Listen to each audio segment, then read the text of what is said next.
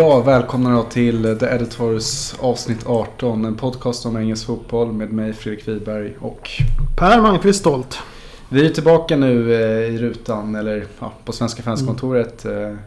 rättare sagt. Eh, efter ett litet uppehåll, eh, lite resor från hos både dig och mig har ju ställt till det. Ja, det visade sig att det krockade helt och hållet. När jag var hemma då var du bortrest och tvärtom. Mm. Men eh, å andra sidan, det har varit landslagsuppehåll så att det kanske är rätt att komma tillbaks nu när vi kan fokusera lite mm. grann på, på ligan. Men du ska reflektera lite grann över landslaget och så. Ja, vi, jag tänkte att vi börjar där. Men innan dess eh, kanske ingen närmare presentation utan vi kör ju mm. på avsnitt 18 och det betyder en spelare med eh, det tröjnumret. Och jag väljer Gareth Barry. Oh, det är lite grann av din favorit i Everton-tröjan har jag märkt ja, genom, det... genom våra avsnitt. Men han är ju bra. Jag pratar gärna väl om honom mm. och eh, det beror mycket på att han har varit med länge, över mm. 600 matcher. En stabil spelare rakt igenom, har ju, sällan, har ju sällan gjort en dålig match och ibland kliver han ju fram och gör viktiga mål och eh, nej men framförallt insatser med hjärtat hela tiden. Och du som följer han nära borde väl veta att det är en eh, rätt bra kille att ha i laget. Ja det är det. Nu var inte han med senast vilket märktes. Han var ju avstängd. Och han är väl det som saknas väldigt mycket i Everton. Det vill säga det här lite klassiskt brittiska. Att man går in och alltid ger allt. Eh, men Barry ger ju allt på sitt sätt. Det går inte alltid sådär jättesnabbt. Man ger ju alltid allt och han är ju alltid koncentrerad. Och då, det är egentligen fascinerande hur fantastiskt många matcher han har spelat på väldigt hög nivå. Han har ju väldigt många landskamper mm. också. Ja, det får man ju inte glömma bort att det är en gammal engelsk eh, landslagsman vi pratar om. Mm. Och sen det jag gillar lite med Barry också, att det känns som att han, han är en professionell fotbollsspelare rakt ut i fingerspetsarna. Att förmodligen en kille som verkligen tar varje träning seriöst. Yep. Eh, sköter sig utanför planen.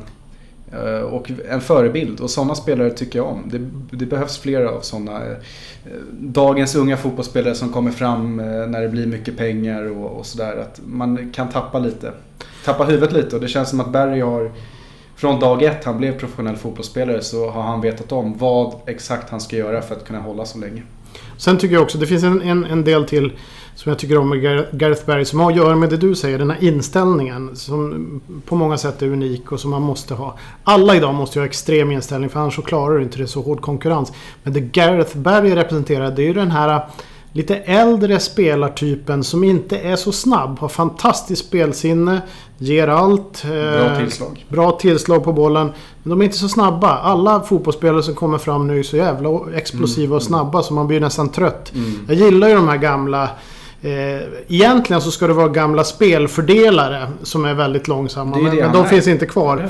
Han är det, men mot... Eh, han har ju aldrig varit på en kant eller sådär. Så nej, han har inte spelat offensivt. Men det är klart att han har ett bra skott och ett bra spelsinne och när han då kanske kommer lite högre upp i banan och ska sätta fart för att dra, ta bollen framåt så kanske det är vissa problem då. Det kan det vara. Han lirade vänsterback vet jag ett tag i Aston Villa när han slog igenom. Men nu tror jag ingen skulle våga sätta honom på, på, på, en, på en kant faktiskt. Men eh, nej, eh, det är en spelartyp som håller på att försvinna faktiskt. Ja. Och även om man har spelupplägg så går det så snabbt idag. Han är så begåvad så att han vet att han spelar i regel ofta enkelt. Det gör han. Och det, det, ja, det är en motor i Everton. Men framförallt är det den här viljan som jag tror saknas. Det saknas framförallt i Everton. Eh, av idag och det saknas tycker jag i många Premier League-klubbar överhuvudtaget faktiskt. Och sen innan vi stänger diskussionen om Barry. Vi kan ju sitta och prata om honom i evigheter. I alla fall jag skulle kunna göra ja. det. Men eh, det är en spelare som eh, som inte heller alltid får den största rubriken och därför Nej. gillar jag att lyfta fram de här spelarna som ofta glöms bort. För att det är en väldigt skicklig spelare. Och, och dels, eh, jag gillar ändå det här moraliska aspekten också. Att det är sällan sett någon skandalrubrik om Gareth Barry, mm. har du? Nej, det är det inte. Nej. Så att, men skandalrubriker, det har vi ju haft när England var och spelade senast och hade uppehåll. Ja. Och du, ju, du följer ju England rätt noga. Vad, vad, vad är dina slutsatser? Matcherna senast, de vann ju rätt lätt över Skottland. Även om jag hörde att det var inte någon magisk match. Nej, och gjorde hade, bra ifrån ja, sig mot de, Spanien. Exakt, de hade väl eh, tre skott mot mål där mot Skottland. Mm. Om jag inte minns fel. Och alla tre gick ju i mål. Eh, så det var väl ingen publikfriande inställning. Men jag tycker ändå att man som engelsman och om man följer det engelska landslaget ska vara stolt över det här landslaget som ändå går och slår rivalen hemma på Wembley med 3-0. Eh, Wayne Rooney tillbaka i laget som lagkapten dessutom, spelar från start. Eh, och har fått förtroendet av Gareth Southgate. Gareth Southgate är obesegrad nu som interimtränare här och eh, Ja, eh, det här svarta som har skuggat England ända sedan EM med Roy Hodgson-eran och förlusten mot Island. Sam Allardyce. Nu börjar det bli eh, rätsida på The Three Lions igen, känner jag. Och tror du han blir kvar Southgate? Det, det verkar ju som att han vill. Det är ju snarare att han lägger upp bollen och säger att vänt, jag väntar. Ge mig ett förslag. Det finns ju tid om inte annat. Ja. Eh, nästa EM-kvalmatch för England är i slutet av mars när man tar emot Litauen hemma mm. på Wembley. Och eh, Southgate har väl satt, precis som du säger, pressen på FA här att jag behöver tid att tänka igenom det här och reflektera. Men de får höra av sig om de vill ha mig, precis som du var inne på. Och eh, jag tycker nog att FA ska ta Southgate för att det har ändå gått så pass bra nu ändå efter förutsättningarna här.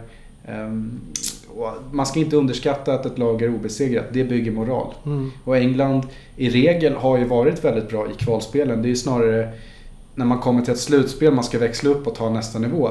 Och där kan jag väl känna att Southgate fortfarande är ett osäkert kort. Ja, han har ju ingen, ingen stark meritlista även om han är rätt ung ännu. Men han, Fick ju väldigt eh, lång tid på sig i Middlesbrough, vilket är ovanligt idag, att bygga någonting. Men han lyckades liksom aldrig komma igenom där. Men en sak som jag har tänkt på det är det att många av de spelare som är uppe nu och kommer upp till A-landslaget är ju sådana som Southgate även har följt i U21. Eh, vilket kan vara en fördel också mm. faktiskt. Exempelvis då um, Lingard, Jesse mm. och eh, Raheem... Nej, Raheem Sterling vet jag inte men... Kanske. Var, Han gick ju ganska snabbt in i A-landslaget. Men även sån som Harry Kane borde mm. han ju ha haft. Någon Marcus Rashford, Erik ja. Dyer, ja. Lalana. Det, ja, den här unga skaran. Och eh, mot Spanien då hade man ju en 2-0-ledning. Mm. Eh, Jamie Vardy eh, gjorde ju en fin målgest där med Mannequin Challenge. Tyckte jag var häftigt att se. ja, Men eh, ja, det var väl inte bra att man föll igenom där eh, på slutet. Sen så är det ju så i många träningsmatcher. Man byter ju ut nästan mm. hela uppställningar. Och det kan ju bli så i slutet på en träningsmatch. Eh, men det är klart att eh, när man såg på de spanska bytena, de bytte anfallsspelare. De hade rätt bra spelare att skicka in. England kanske inte hade lika starka spelare att skicka in, så var det ju. Men det var ju fina mål ändå och eh, en ganska trevlig insats av England kan jag tycka. Och bara att man går upp en 2-0-ledning hemma mot Spanien. Ja, ja. Det hade man nog inte gjort under Sam Allardyce eller Roy Hodgson. Så det finns ju ändå någonting att bygga vidare på. Och sättet man firar målen på som ett lag. Det känns som glädjen har kommit tillbaka till England igen. Och eh, det är väl Kanske det viktigaste av allt. Ja, så var man ju på bröllopsfest också. Ska vi, vill du gå in på det? Wayne Rooney? Nej, men det var ju bara det att han skulle ju inte spela då på, på tisdagen där. Nej. Och eh, då hade de fått en, en kväll där de fick göra det de ville. Och då var det väl några som hamnade på en sån här bröllopsfest. Och, och nattklubb. Nattklubb och, och allt möjligt. Och, och Rooney ställde upp och tog kort med fans. Ja. Och vad, det är det som straffar honom. Det är det som straffar honom. För, och då går ju rykten om att han var tydligen väldigt, väldigt onykter och så vidare. Men eh, når, egentligen så tror jag att det här är ju ingen stor grej. Förutom att det är Wayne Rooney som gör det i det här läget precis just nu. Mm. Alla har ju ögonen på Wayne Rooney. Han, vad, den, vad det minsta steg han tar. Det känns som att man bara är ute efter att liksom paketera och avsluta hans karriär i England och Manchester United. Vilket är lite synd. Så att han är lite jagat villebråd just nu.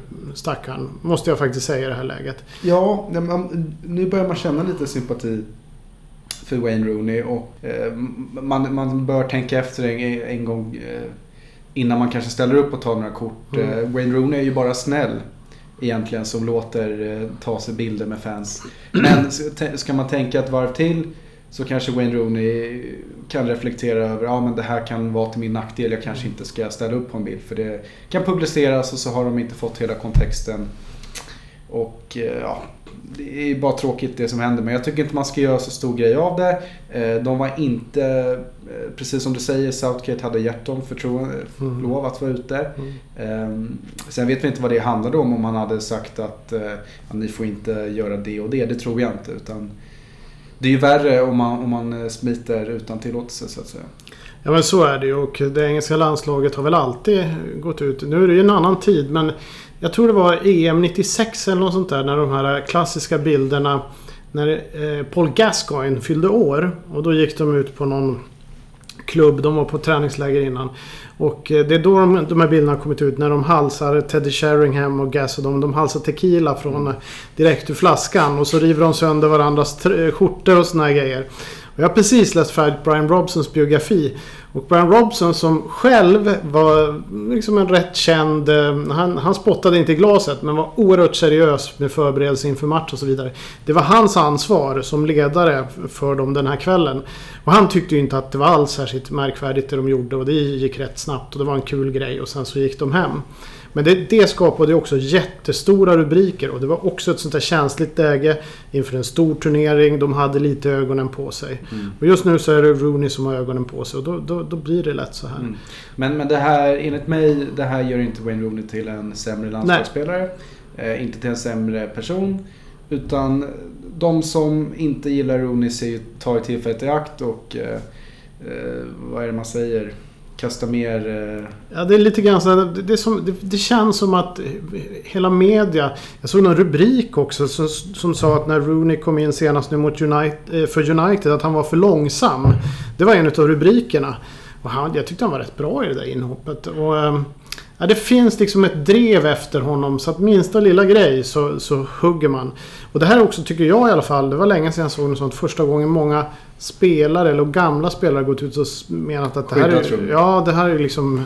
Även Ian Holloway, citatkungen, eh, ja. gick ut och sa att ja, men alla ska väl kunna ta ett glas, även en fotbollsspelare. Ja. Och det, det kan jag hålla med om. Sen eh, är ju de förebilder och eh, större personer om man inom situationstecken då att eh, vad, vad de gör i offentligheten kan skada mer än vad du och jag gör i offentligheten. Så är det ju definitivt. Eh, men det man kan säga om Rooneys karriär är att jag tror faktiskt att han har lite kvar att ge. Mm. Tycker du han ska vara lagkapten då nej. i det engelska landslaget? Nej. nej, det är där. Eh, det är det som är den känsliga punkten. Han är inte den som kan leda England och Manchester United längre. Nej. Men han kan bidra med någonting. Så om han hittar sin roll i det så kan han fortfarande bidra med någonting. Det, definitivt. det verkar ju som att Southgate är lite osäker på hur han ska hantera Rooney också. Mm. Eh, han eh, plockar inte med han mot Slovenien borta. Mm. Han är bänkad i den matchen. Och till den andra kvalmatchen så gör han honom till kapten mm. och får spela mot start hemma mot Skottland. Mm. Det, ja, man vet ju inte, det är, det är ju inte Nej. bra att det blir sådana stora skiftningar kan jag tycka. Nej. I Rooney-gate. Nej, i Rooney-gate. Ja, vi får följa det här. Det är ju trots allt en av de... Jag tror också han, han kan ju vara... Jag, jag, tror inte han är så jäkla långt ifrån att, att nå någon form av landskampsrekord. Jag tror att det är Peter Shilton som har 125 mm. landskamper eller något sånt där som är mest... Han är i alla fall den mesta målskytten i England. Det är han. Det är han. Ja.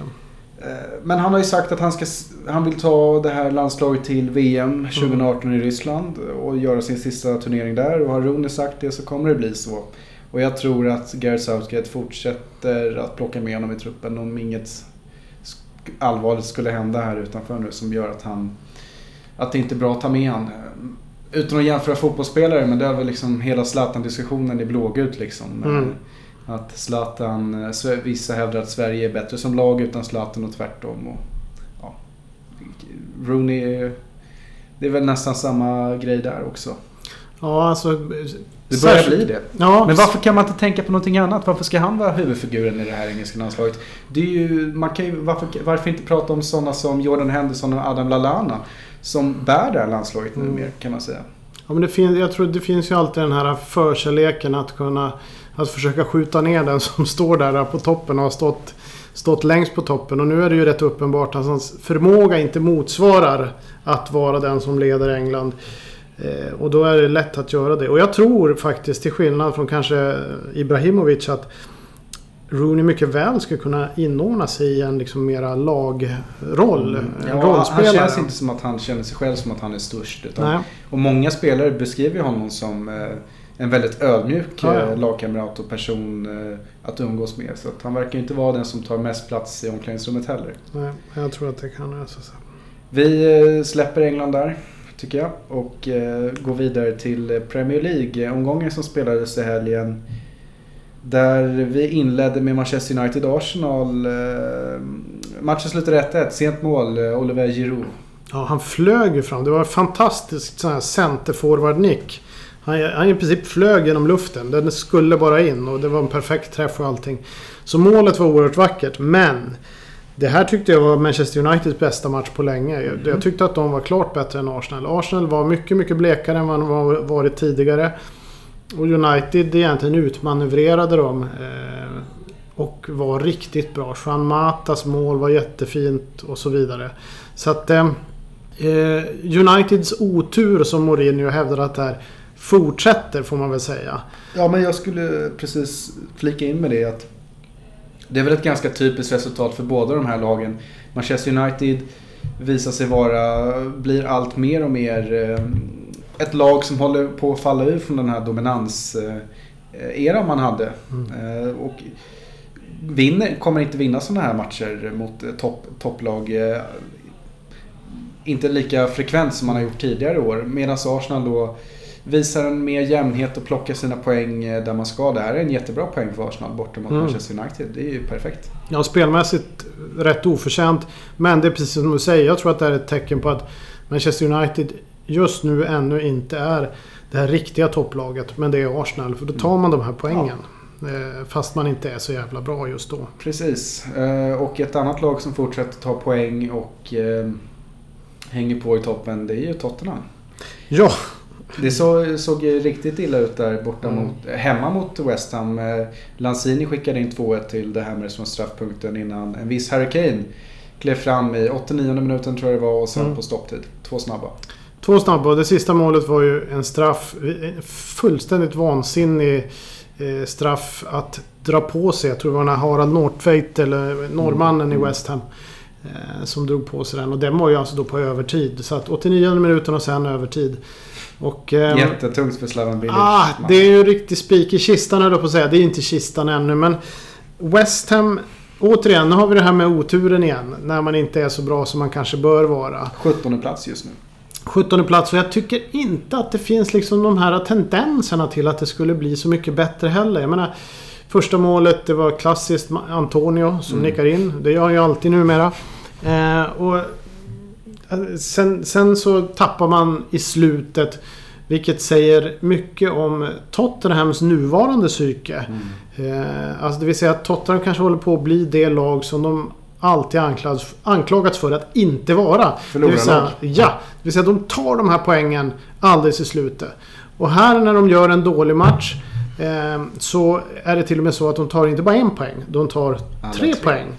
Eh, Medan West Ham faller igenom. Och det, jag tror att Slaven Bilic är nog är kanske den manager som, som är närmast att få sparken faktiskt. Man kan ju inte sparka Bob Bradley i Swansea nej, direkt. Nej. Och eh, jag menar... Mark Hughes har fått ordning på Stoke. Ja, och filen i, i, i Hall, han... Det ska mycket till om man ska sparka ja. honom. För man har ingen annan som vill ta över jobbet. på gång i söndagen, det återkommer vi till. Mm. Men det är som du säger, West Ham eh, ser riktigt olyckligt ut för dem just mm. nu. Vill det sig illa så är man ju snart under strecket och det hade man nog inte förväntat sig efter att snarare kunna tro att det här var säsongen och skulle ta ett steg till i toppen. Det har vi pratat om i så många avsnitt här. Att den här flytten till London Stadium, den blev övermäktig. Den blev övermäktig och det, har ju inte, det råder ju mycket disharmoni över det också. Ja, ja, ja, men man kan ju inte bara skylla heller på en Nej. arenaflytt för så allvarligt ska ju inte det vara. Nej, jag tror att det, det var inte till det sämre att man flyttade till London Stadium. Nej, och fantastiskt med mycket pengar man ja. får in på det här. Man kommer ju att tjäna massor med pengar på, på den flytten i förlängningen. Och, och nyförvärv man har gjort eh, har ju också, ja, ja. de har man också öppnat upp plånboken. Men eh, nej, det är inget...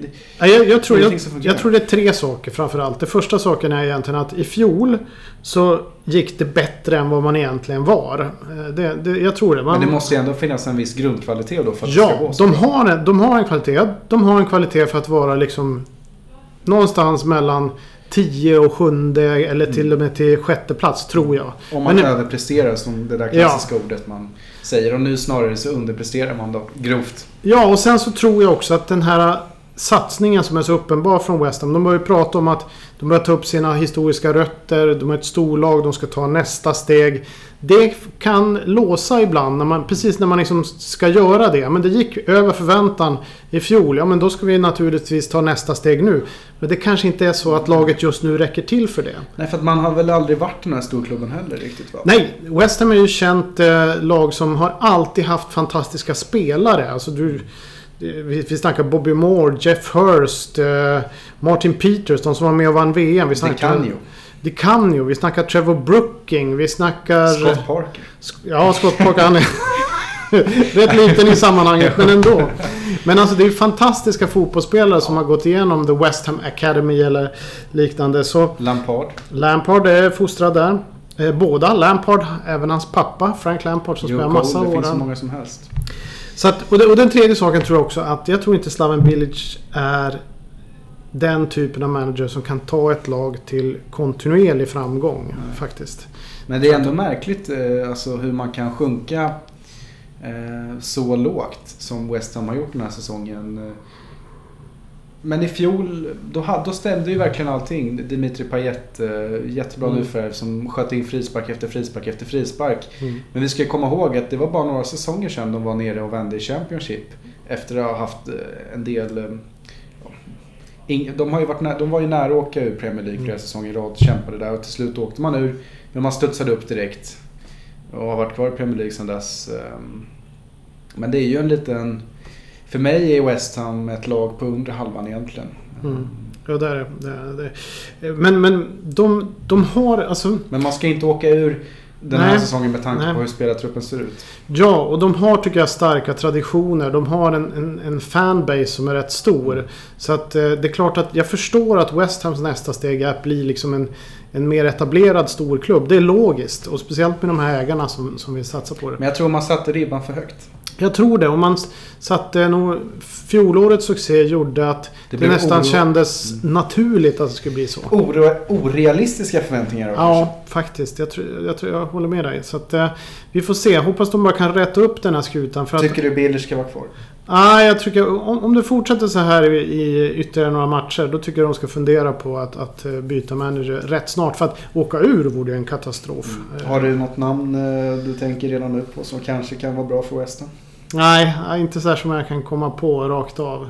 Det finns säkert en del men, men eh, det, är så, det är så svårt det där. Man, man, man tar ju oftast de som är mest i ropet just nu. Och som man ser. Mm. Jag skulle i och för sig eh, vilja pröva Nigel Clough på lite högre nivå. Det Mm. skulle vara intressant. Han har gjort rätt bra i Burton. Och han har gått den långa vägen på den vänster. Han har ju fått liksom fightats och blivit erfaren i de lägre divisionerna. Och eh, är nog rätt stryktålig på det sättet. Och det, det skulle vara intressant om man vill locka fram någon engelsk tränare. Sen så finns det ju massor av begåvade tränare som inte är engelsmän. Mm. Och det är kanske det smartaste alternativet. Men om man ska leta efter någon engelsk tränare så kan det, kan det vara det. Det vore klart intressant. Det håller jag Mm. med om. Ett annat, eh, en annan match jag gärna vill lyfta är ju eh, Sunderlands storseger hemma mot Hull City. 3-0. Mm. Mm. Ma- magiskt faktiskt. Det, det, Det är din kille höll jag på att säga. Victor Anichebe. Ja, ja, han är ju- jag har ju följt honom sedan han var ungdomsspelare i Everton. Och ehm, Han är fostrad i klubben alltså. ja, han är fostrad. Han kom rätt tidigt dit. 16-åringen eller något sånt där. Eh, och, ehm, det var ju faktiskt Moyes som lyfte fram honom också. Så att det är en Moyes-kille. Så han vet precis vad den här Anichebe går för. Vad som är lite fantastiskt det är ju det att Anichebe hade ju inget kontrakt Nej. innan den här säsongen. Det var ju egentligen ingen som ville ha honom. Och det som är Anichebes nackdel det, är- det var som var på Merseyside någon gång och så var det någon gammal spelare som var rätt kritisk och menade att han kan inte dämpa en cementsäck ens. Eh, Det är lite grann det där... att Dålig bollmottagning. Ja, Den är inte alltid den bästa. Men när han är på G så är hans styrka helt magisk. Och det ser man ju. De tre målen han har gjort här på slutet, två senast. Det är ju när han liksom bryter sig in i straffområdet. ja. Tung rivig, är jättejobbig att spela mot och sen så stänker han bara upp bollarna. Eh, och sen har ju det här rörliga Defoe bredvid sig. Så att det här är ju liksom ett klassiskt engelsk eh, anfallspar. Ja, den lille snabbe, begåvade och den store starke. Mm. Det är, eh, och jag tror att det här kan, det kan vara det som kan bli nyckeln för David Moyes för att ta sig upp. Sen har han ju fortfarande problem. Jag tycker försvaret är rätt eh, dåligt egentligen. Men det betyder mycket, framförallt för fansen där. Mm. Som har lämnat arenan alldeles för många gånger eh, i otid höll jag på att säga. Men innan signalen är slut för de orkar inte se på eländet. Nej. Nu kanske den här vändningen kommer tillbaka och det behöver staden, det behöver David Moyes, det behöver klubben. Alla. Sunderland är för många en klassisk eh, engelsk klubb som ska vara i Englands finrum. Och jag är väl benägen att hålla med även om jag, om jag eh, skulle vilja se dem åka ur. För jag tycker de har harvat i Premier League alldeles för länge. Alltså. Anledningen till att man skulle vilja se dem åka ur det är ju helt enkelt att de måste lära sig. Alltså en, i, I ägarskapet, hela strukturen av klubben. Att det, det de håller på med kommer inte att hålla i längden. Och fansen, fanbasen är ju jättestor. Mm. De förtjänar ju någonting betydligt bättre. Så är det ju. Mm. Men det är många klassiska engelska klubbar i Championship som också förtjänar den där platsen. Oh, ja. Det Vi har Leeds, vi har Wolverhampton, eh, Nottingham Forest. Nottingham Forest, Derby. Aston Villa. Ja men det är bara att Ja. rabbla, rabbla på liksom. kan räkna halva Championship Ja. är ju liksom på den nivån. Så att det... Så är det ju. Så är det ju. Men... Ja men precis som du säger att man vill då ha Sunderland som kommer tillbaka starkare. För att Mm. det känns inte genuint eh, när man gång på gång hänger sig kvar. Det kanske var charmigt två år men nu är det inte charmigt längre när Sunderland slutar på en 17 plats. Gör en spurt på vårkanten. För jag tycker man är oförtjänt Mm. det. När man har förlorat match efter match efter match och man har sett uppenbar, uppenbara problem med defensiven. Då är det ju inte kul liksom. Nej, och sen såg man på värvningen inför säsongen. Det var ju nästan så att man inte visste om man skulle tro det var sant. Det är ett jäkla luftslott de har där. Ja, och det, bara, bara, bara de värvningarna gör ju att man inte tror att det här kommer att gå. Det, det är ju i sig en jättestark signal. Nu kommer ju Moyes in lite sent och så vidare. Så att han har ju verkligen väldigt lite att jobba med. Det har han ju. Men jag gillar ju David Moyes ändå och det vore ju kul att se han lyckas med Sunderland. Eh, Och att han får... Att han bygger det här och som man varit inne på. Att Moyes kan vara den här byggaren. Absolut. Det här är ju hans... Menar, han, han, det gick jättebra i Preston. Det gick jättebra i Everton förutom att han inte tog några titlar. Vilket man ändå måste säga är ett stort minus. Ja. På 11 år och inte en titel, ett minus. Men han stabiliserade Everton Mm. på en högre nivå än vad laget var just då. Sen gick det ju åt skogen i Manchester United. Men där fick han egentligen aldrig chansen om man ska Nej. vara riktigt ärlig. Och frågan är om han egentligen var rätt person i rätt läge för att överhuvudtaget få jobbet. Om man, det, det kan man ju ifrågasätta. Och sen ytterligare ett snedsteg till Real Sociedad. Ja. Vad skulle han ut och göra på kontinenten? Det... Nej, det var, det var fel. Så att eh, det här är ju hans comeback-chans. Och tar han den inte, då, då blir det ju tuffare för honom. Mm. Vi går vidare med eh, Stoke City mot Bournemouth 0-1. Den missade jag på kupongen. Även om jag eh, har någon slags förkärlek till The Cherry Mm. så trodde jag att man eh, skulle få stora problem på Britannia Stadium. Men man går därifrån med en 1-0-seger. Starkt jobbat av Eddie Howe och company. Ja, det är starkt jobbat. De är ju bra Bournemouth. Nu ser det ut som att de kan vara ett lag för den övre halvan, definitivt. Sen blir jag aldrig klok på Stoke. Det är, som du säger, man tror att nu börjar det stabilisera sig lite grann. Och så, så faller man igenom när, när det som bäst egentligen Behövs. behövs. Ja, Det är det är, ju... Men det är många klubbar som har de där problemen. Man kan slå klubbar man inte ska slå på hemmaplan Mm. och så förlorar man mot lag man ska vinna mot. Det är en klassiker. Eh, Everton är väl ett annat Ja, exempel på de, det. de är också en sån där som man inte blir klok på. Som bara fick 1-1 hemma mot jumbon Ja, Swansea. ja, absolut. Och den matchen... Everton var ju, tycker jag, rätt dåliga. Här var det ju... Men liksom, man har blivit utskåpade mot Chelsea med 5-0. Och då var egentligen enda... Ronald Komans eh, budskap var att nu måste man vara fullt taggade. Från första s- touch av bollen vid avspark. Såg man det då? Nej, det var en helt katastrofal första halvlek. Eh, Och Swansea tog också ledningen. Det fanns ingen vilja, ingenting. Och det är det som saknas i det här laget. Sen kom man tillbaka i andra halvlek och det var tydligen en rejäl utskällning från Koman i, i halvtid. Men det ska inte behövas det. det, det och man märker på publiken, det var tyst på Gurrisen. Och Gurrisen är en typisk sån arena som reagerar när de ser Att någon går in, tar en tackling, visar vilja eller någonting. Det var därför till exempel Phil Neville var väldigt populär. Han kunde ju gå in när det var stilt i matchen och så gjorde han en vansinnestackling. Men då fick han hela publiken bakom sig och så hände det någonting. Ett momentum och så går man igång. Det finns inga spelare i det här laget som möjligt. Möjligtvis Ashley Williams skulle kunna göra det. Seamus Coleman kanske. Gareth Barry var inte med. Han skulle kunna göra det. Ta tillbaka Tony Hibbert. Han skulle kunna göra det. Han har ju andra begränsningar dock. Men, men ser man till skillnaden Stoke-Everton till exempel så tycker jag ändå att Stoke... Everton har mycket kvar i sitt lagbygge. Man har det faktiskt. Så att eh, Koman har mer att göra än vad man har trott kanske hittills efter de första resultaten. Men jag tycker Mark Hughes har ett rätt bra lagbygge ändå. Mm. Så att mm, de borde vara lite, lite vassare. Andra matcher då. Eh, Manchester City slår Crystal Palace med 2-1 på bortaplan. Eh, viktigt för Pep att vinna. Mm. Eh, igen, Yahya Touré fick komma tillbaka. Ja, han är, var rejält upptinad ur frysboxen. Han gör dessutom båda målen.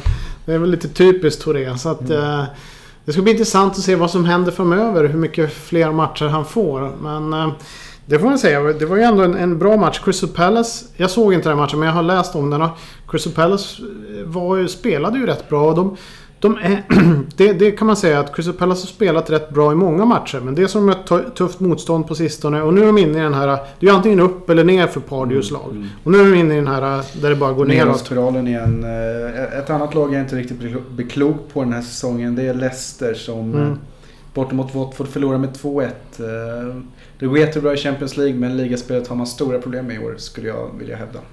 Ja, och det som vi har varit inne tidigare. Jag vet inte om de har hjärtat fullt ut i ligaspelet. De har nog insett sina, sina begränsningar. Och, och tvekar man bara lite, lite, lite så, så går man lätt från ett topplag till ett mittenlag. Watford är bra i år. Framförallt eh, Etienne Capoe som mm. viktig mittfältare där. Gör mycket mål, Capoe. Ja.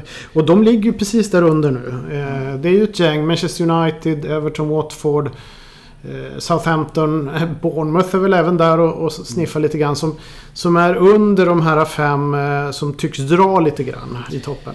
Southampton-Liverpool, eh, en mycket intressant match på förhand. Mållik trodde jag den skulle bli men eh, mållöst på St. Mary's 0-0. Mm, och Liverpool hade ju då kanske inte lika fantastiskt dag som de har haft de senaste matcherna.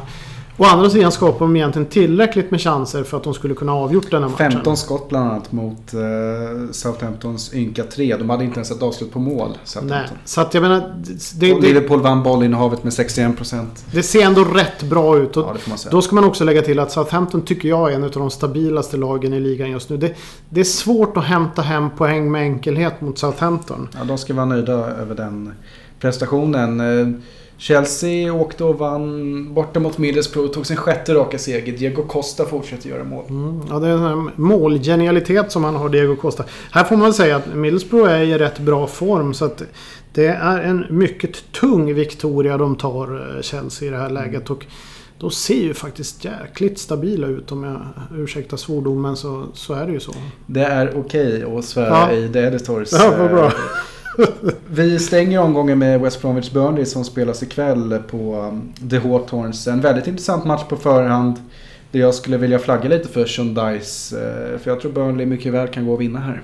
Ja, den här är gjuten att titta på. Den här ska jag sitta och, och, och gnugga händerna och 21.00. Det kommer att bli kämpa. Två brittiska tränare också. Jajamensan. Eh, Pulis och Daesh.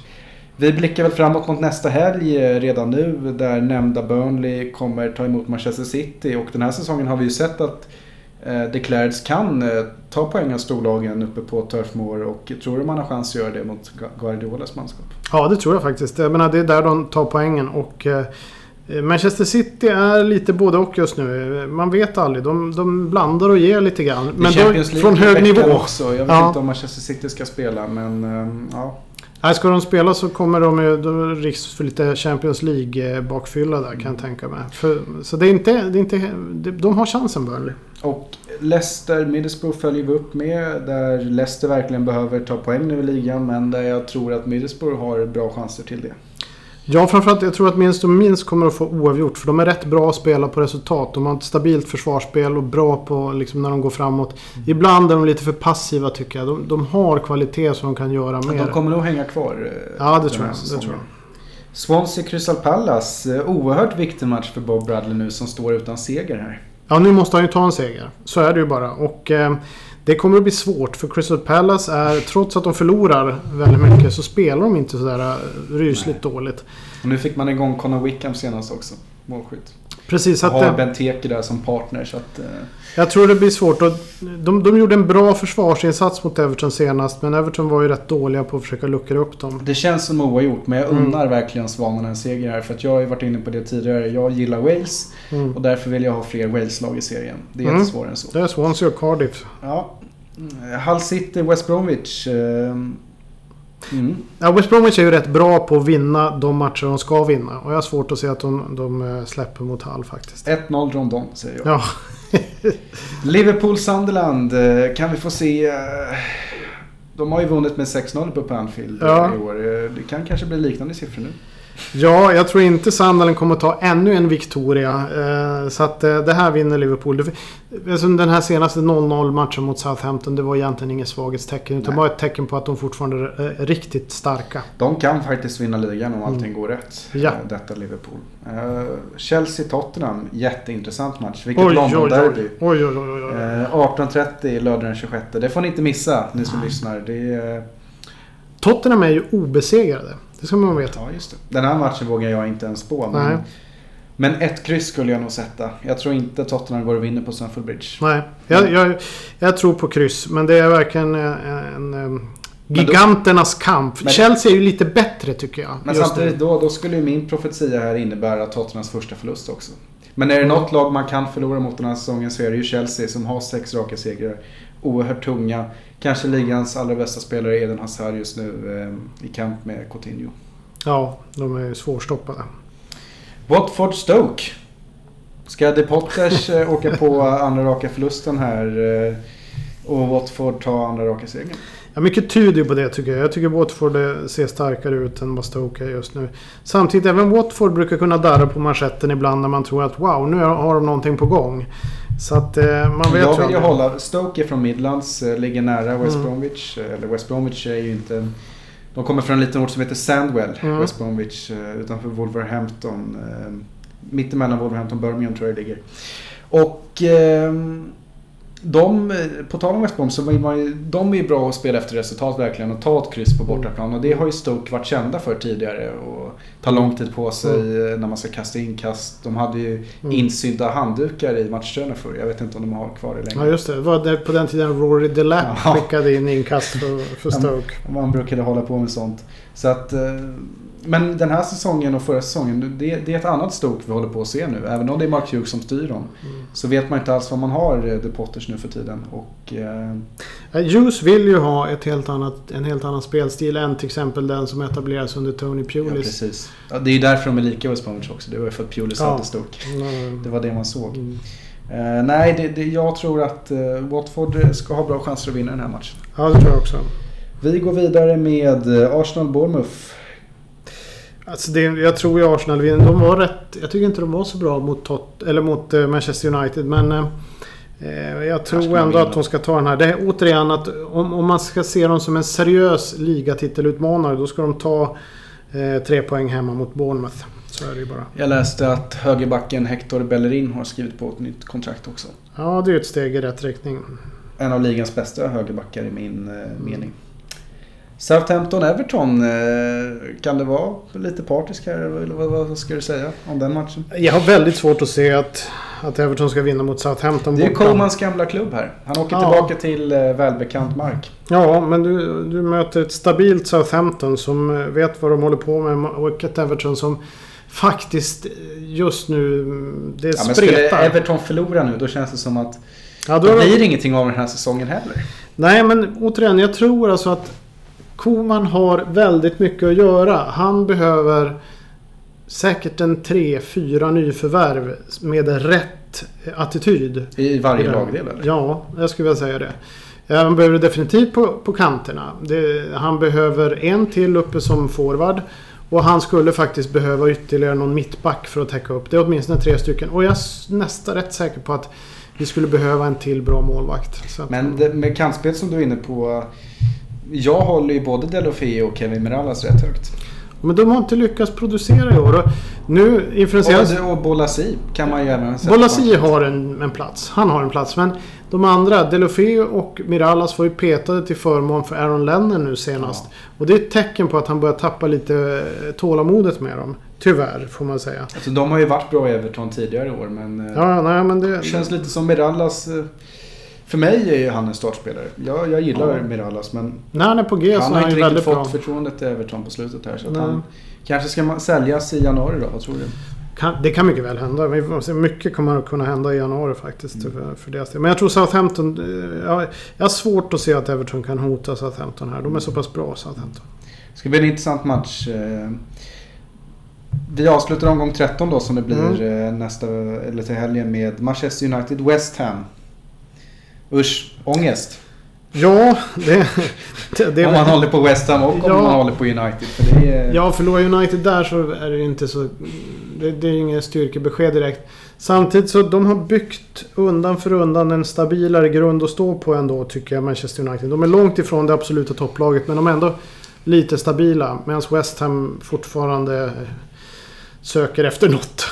Vill det sig illa efter den omgången så kan ju West Ham vara under strecket också. Ja, och eh, det kan vara en sån där match som gör att eh, Bilic måste lämna klubben. Det är Mm. jag rätt övertygad om. Så kan det också vara. Vi får hålla ögonen eh, öppna och se vad som händer. Ja, det får vi göra. Vi eh, får väl eh, tacka för oss den här veckan. Det var kul att vara tillbaka. Ja, igen. vad roligt att prata lite fotboll. ja nu känns det som man är på G och att Ja, man har någonting att se fram emot. Följa landslaget är intressant men man, det blir, ibland blir det lite för mycket och det tror jag medierna där borta också känner att det skrivs om Southgate eh, dag ut och dag in och det skrivs om Rooney för att man inte har någonting annat att fokusera på nej, och det är inte lika roligt med landslagsfotboll, eh, tycker jag, som klubbfotboll. När det är turneringar är det. Som VM. Då är det det. Då är det. Sen tycker jag, det är som vi har pratat om förut, jag har ett minne av att jag tyckte VM och EM-kval när jag var liten var jäkligt spännande. Men dels var det lite färre lag, färre matcher. Det var alltid kvällsmatcher på typ onsdagar. Och det, det finns någon magi med dem. Nu är det liksom de här långa landslagssamlingarna, det jag vet inte. Nej. Däremot eh, ska jag försöka ta mig ut till Wembley Stadium i vår här och eh, se England-Litauen tänkte jag. Mm. Ja men det måste du, får du rapportera. Ja. Har du varit där på Wembley Stadium? På gamla Wembley var det. Inte nya? Inte nya. Nej. Ja, det ska bli spännande. Det var faktiskt det, jag innan vi slutar berätta en historia. För det var en sån här 88 tror jag det var. Då var det en eh, vänskapsturnering på en söndag. Och då mötte först Arsenal mötte Tottenham och sen så mötte Bayern München Milan. Och då på den tiden, just då, så var ju Milan Bayern München så mycket bättre än vad Tottenham och Arsenal var. Men eh, vi åkte dit och kollade. Vi satt faktiskt på Arsenal-sektionen som var jättenöjda för jag tror de vann med 4-0 sånt där. Och det var en av Paul Gascoins första ma- matcher. Så det, det var det enda de hade roligt över hur, hur tjock de tyckte Gascoigne var. Eh, och eh, de var helt nöjda. Och sen kommer då Bayern München och Milan-spelarna ut för att spela. Och då, då är den stora matchen, tänker vi då. Då går i princip eh, alla hem. Det enda de tyckte var roligt det var när de presenterade Hans Peter Flick, eller Hans Dieter Flick i, i, i um, Bayern München. Och då ropar de Herr Flick från the Gestapo från den här eh, komediserien som gick eh, Allo Allo Emily Armén. Just Det var liksom det roliga, sen gick de hem alla. Så, det, så intresserade var engelsmännen då i alla fall av, av de riktigt stora lagen. då. Charmigt ändå. Charmigt ändå. Sen eh, får ni jättegärna mejla mig och Per om, om ni vill eh, ha något ämne vi ska ta upp. Eh, det blev ju lite eh, poppis-snack i de två senaste avsnitten och det var kul att få en uppföljning kring det. Och jag noterade att man, eh, de engelska spelarna bar såna här Mm. Armband då med poppis. Mm. De, eh, ja, det betyder mycket för dem där borta. De eh, gav, sig inte för Fifa. Nej. Tycker jag är viktigt. Att man eh, står upp för det man... Ja, någon, någon slags tradition och historia. Och med de orden så tackar vi för oss och avslutar Ha det gott. avsnitt 18. Hej! Hej!